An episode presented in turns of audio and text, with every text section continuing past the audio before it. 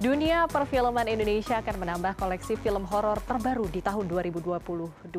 Perempuan bergaun merah yang dibintangi Tatiana Safira dan Reval Hadi bercerita tentang teror hantu bergaun merah. Uniknya, film horor ini menjadi film horor pertama bagi Tatiana dan Reval. Untuk membahas lebih dalam tentang film ini, berikut wawancara anchor CNN Indonesia Prasidya Puspa dengan pemeran utama wanita Tatiana Safira, sutradara film William Chandra dan produser Timo Cahyanto.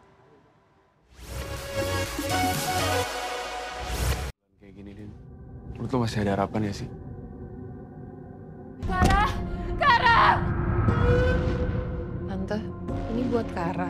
Iya, Arwah itu mulai menghantui kalian setelah teman kalian hilang.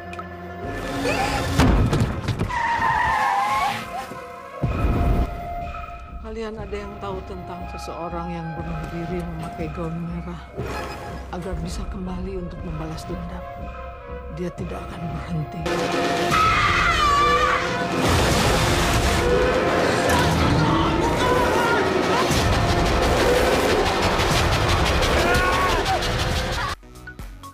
Film perempuan bergaun merah siap gentayangan sebentar lagi di bioskop tanah air.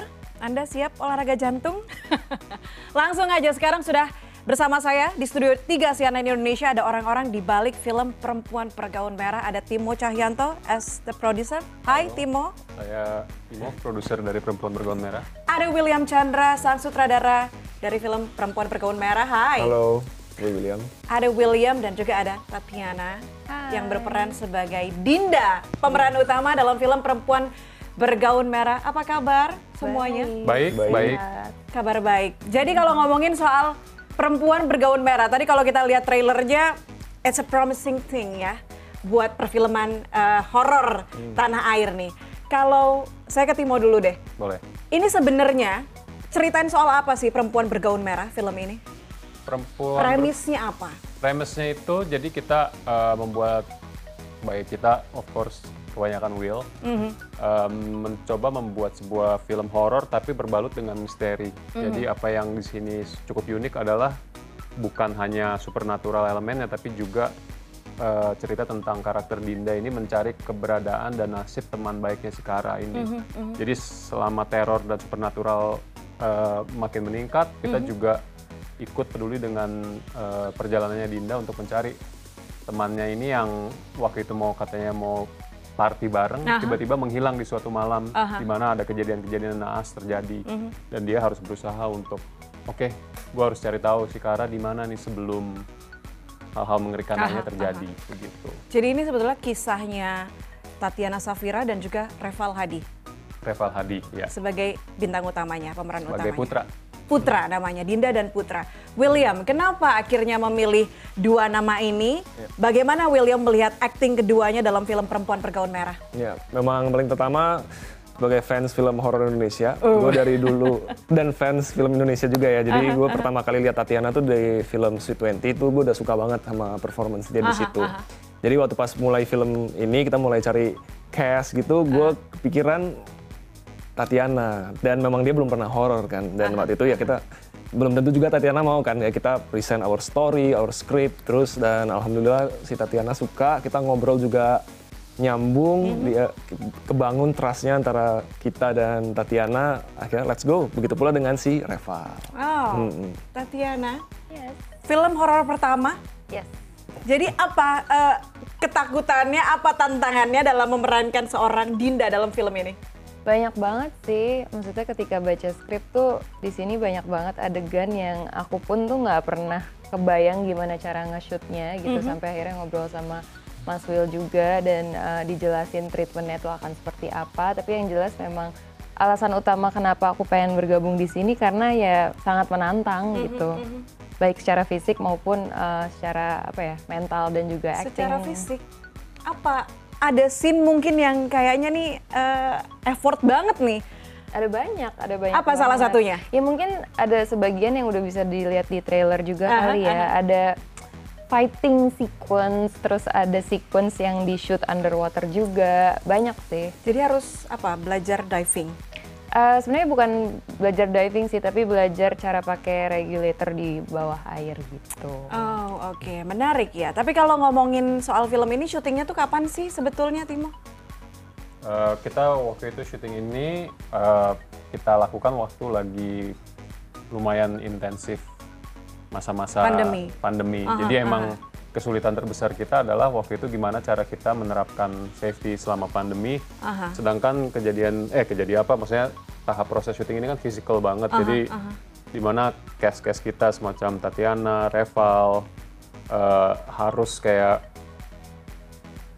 ada di set yang lumayan menantang ya. Apalagi waktu itu kita setnya ada di rooftop, di mana udah musim hujan pula. Tatiananya harus kayak dibasahin sampai total, terus begitu dilumurin darah. ya challenge lah waktu itu. Kebanyakan saya bilang good luck ya Will. Ini syutingnya semua di Jakarta atau di mana? William? Ya, semua di Jakarta. Semua di Jakarta. Tapi dari uh, proses syuting film horor, sulit nggak sih sebetulnya menentukan kan kalau dari sutradara pasti melihat sisi artistiknya. Sulit nggak sih melihat uh, mana yang memang yang yang uh, cukup menarik secara visual dari film horor khususnya di film ini? Ya, jadi kalau secara settings tuh kayak kita di film Perempuan Bergaun Merah itu eh, pengen lebih urban ya. Jadi kayak memang orang yang tinggal di kota dan kotanya juga nggak terlalu spesifik kita jelasin nih Jakarta atau di mana. Tapi kita pengen eh, seluruh penduduk urban di Indonesia itu bisa relate kayak mereka kayak ke apartemen, naik lift, naik nyetir mobil malam-malam dan lain-lain itu yang terjadi di keseharian kita dan saat itu pula lah hal-hal yang horornya terjadi. Oke. S Dinda. Dinda ini karakternya seperti apa? Mungkin Tatiana bisa lebih kasih apa? Spoiler sedikit. Dinda itu sebenarnya karakternya ada sedikit miripnya sama aku sih. Yang aku lihat dia tuh agak introvert terus eh, keras. Tapi sebenarnya dia tuh sangat caring. Dia caring banget sama adiknya karena mereka tinggal cuman berdua. Dia harus mengasuh adiknya. Jadi she's very protective of her brother dan eh, ya itu malam di mana tiba-tiba sahabatnya menghilang bisa dibilang kan sahabatnya terakhir kalinya itu sebenarnya bareng dia juga jadi dia punya rasa tanggung jawab yang sangat besar untuk bisa menemukan sahabatnya lagi jadi she's very persistent as well Oh oke. Ini kesulitan nggak sih waktu nyari cast-castnya selain Tatiana dan juga Reval yang lainnya tadi kita lihat beberapa uh, nama besar Timo. Ya, nama besar ya. ya, kalau Tatiana mungkin emang udah, kalau ini ngomongin Tatiana dulu kali ya. Tatiana emang dari waktu itu udah di plan. Maksudnya eh, saya gitu sama Will kayak diskusi kayak Tatiana ini nggak pernah nih main sesuatu dengan intensitas tinggi gitu. Jadi kita pengen banget lihat dari seorang Tatiana ini layer apa lagi sih yang bisa dikupas gitu dan you know kayak orang selalu bilang horor itu sebuah genre yang klise dan segala macam banyak yang punya opini gitu tapi kita ngelihatnya justru kadang-kadang seorang aktor atau aktris itu bisa menemukan layer yang belum pernah mereka temuin di diri mereka sendiri melalui pengalaman mereka di film horor. Apalagi horor itu kan feeling-feeling itu semua primal gitu kan. jadi kadang-kadang mendapatkan sebuah reaksi yang jujur gitu. Kalau yang pemain-pemain lainnya kayaknya mungkin lebih ke will kali ya. Cuman kita beruntung banget dapat kayak pemain seperti Ibrahim, Irsyad, seperti eh, siapa? Faradina Mufti gitu yang udah terbukti lah ya. Kayak mereka karakter-karakter aktor yang sangat eh, eh, talented. Juga ada aktor senior Dewi Pakis, eh, Ibu Dayu. Jadi kita nggak pengen kayak oh ini anak muda anak muda trendy gitu aja gitu. Kita juga pengen kayak you know film tentang kehidupan di kota tuh biasanya pasti ada layer-layer dari beberapa orang, beberapa karakter, beberapa umur gitu kan. So Artinya waktu reading skrip itu pertama kali, eh, Tatiana mungkin yang belum pernah eh, main film horor sebelumnya, apa encourage yang datang dari teman-teman eh, produksi di belakang, mungkin dari Timo, dari Will yang membantu Tatiana untuk apa mem- memvisualisasikan naskah-naskah tersebut? ya kita banyak ngobrol sih sejujurnya pas baca skrip untuk pertama kalinya kan soalnya yang namanya skrip itu pasti ada revisi, ada beberapa draft. Total kemarin berapa draft ya? 12 draft. Jadi sebenarnya Oke. along the way banyak banget uh, perubahan yang terjadi juga gitu. Dan sempet shock juga sih karena ya film ini kan emang banyak plot twistnya ya. Buat aku pun yang membaca wow plot twist seperti ini gitu. jadi em, kita banyakin fokus di latihan sih tentunya Eh, biarpun pastinya ketika latihan itu akan beda sekali sama set tapi eh, s- sebagaimana mungkin tuh ketika latihan dibikin suasananya semirip sama set tuh. Oke, Will, kita tahu 2022 banyak banget eh, industri perfilman Indonesia ini muncul dengan film-film horor ya, yang yang eh, sempat absen di 2020, 2021, sekarang muncul semua dar dar dar film horor. Apa kemudian perbedaannya yang yang kalian eh, set dari film ini dengan film horor lainnya?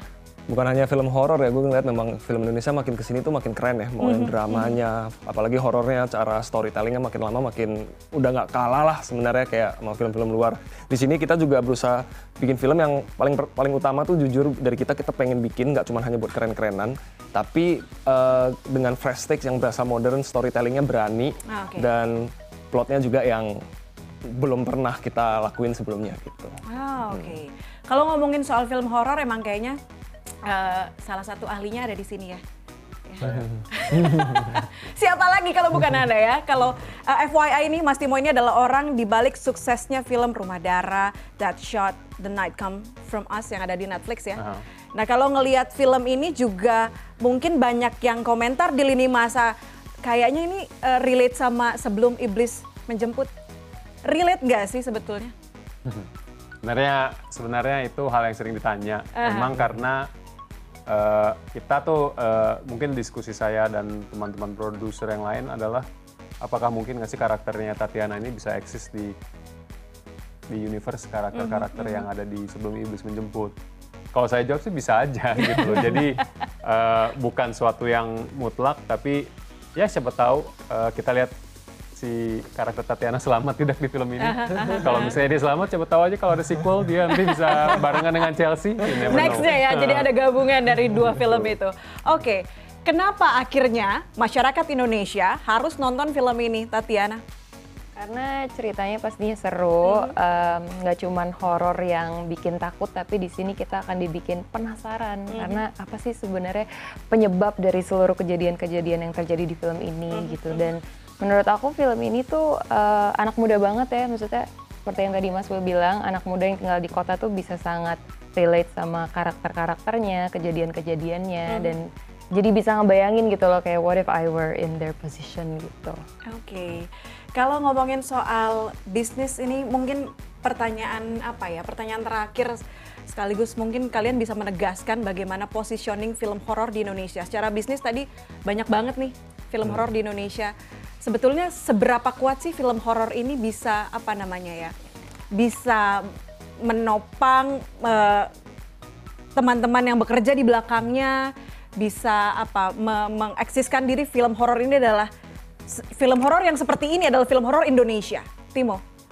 Oh gitu. Eh, pertama ya, maksudnya kalau menurut saya kita sebagai orang Indonesia harusnya bangga bahwa salah satu eh, aset terbesar kita secara kreatif di perfilman adalah film horor. Kadang-kadang kan film horor itu dianaktirikan gitu ya, kayak kesannya oh you know film horor gitu. Padahal sebenarnya aku rasa di negara seperti ini film horor tuh mestinya jadi aset yang patut dilestarikan in a way gitu loh. Tapi kalau misalnya di film ini eh, gue ngelihatnya film ini tuh punya penempatan yang spesial karena mungkin gue belum bisa berani belum bisa jelasin secara menyeluruh karena ada suatu spoiler-spoiler tertentu gitu ya. Cuman eh, ada sebuah perpaduan sebu- beberapa kultur tertentu yang specifically Indonesia di sini gitu loh. Maksudnya eh, istilahnya kayak misalnya eh, filmnya Joko Anwar eh, Tanah Jahanam Perempuan Tanah Jahanam itu kan ada kayak semacam ada Jawanya di sini juga ada specific culture gitu tapi berhasil sama Will di di apa di diracik sendiri supaya touch-nya tuh masih bisa relatable banget dengan ya seperti Tatiana bilang kayak budaya anak-anak muda di sini. Walaupun gue sebenarnya bukan anak muda jadi gue kurang tahu ya tapi kayak budaya ngekos budaya budaya kayak party sama teman-teman bareng gitu ada ada semuanya tuh kayak di situ dimasukin gitu di sininya gitu. Oke, Will mau nambahin mungkin? Yang pastinya kita bikin film ini dengan sepenuh hati, sungguh-sungguh dan kita yakin banget uh, buat siapa pun yang nonton tuh bakal entertain dan get my, their mind blown. Tetap ada olahraga jantungnya juga ya? Oke, jadi film Perempuan Bergaun Merah akan tayang 3 November 2022. Sebentar lagi film Perempuan Bergaun Merah akan menggentayangi bioskop tanah air. Jangan lupa nonton. Tadi kalau lihat trailernya juga udah, udah bikin deg-degan ya. Kita tunggu nanti reviewnya seperti apa. semoga sukses, semoga reviewnya baik. Dan juga pastinya kalau review baik kan dampaknya ke perfilman Indonesia balik lagi ya. Terima kasih banyak kasih. Cahyanto, William Chandra, Tatiana Safira sudah bergabung bersama kami di Showbiz News kali ini.